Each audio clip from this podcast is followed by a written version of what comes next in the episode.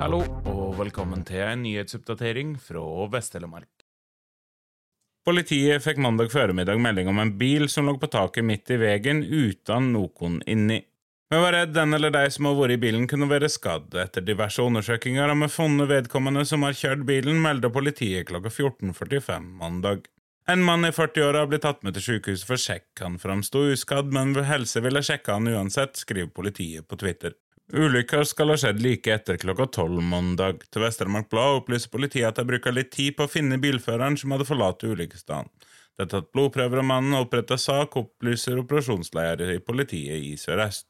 Bilen har trolig truffet fjellveggen før den havna på taket. Ulykka skal ha skjedd på Eidsbergvegen i Høydalsmo, om lag 1 km fra krysset på E134 i retning Dalen.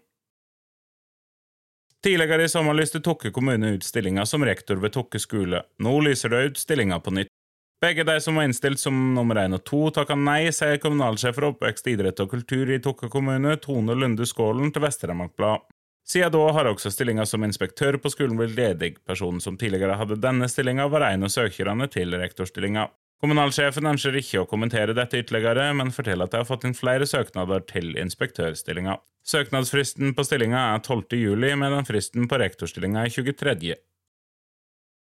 For kommunene kan behovet for sommervikarer, særlig innenfor helse og omsorg, være utfordrende å fylle, og kommunene har derfor innført ulike tiltak for å få tak i nok sommerhjelp.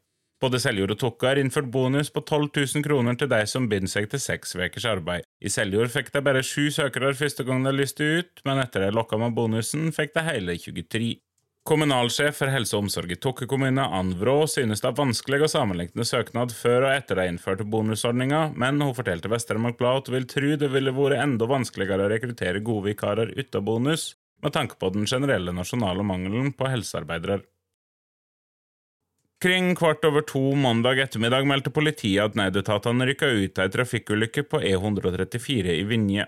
Ifølge politiet dreier det seg om en påkjørsel bakfra. To biler og hele sju personer var involverte, men politiet opplyste at alle var ute av bilene og verka uskadde, skriver Vest-Telemark Blad.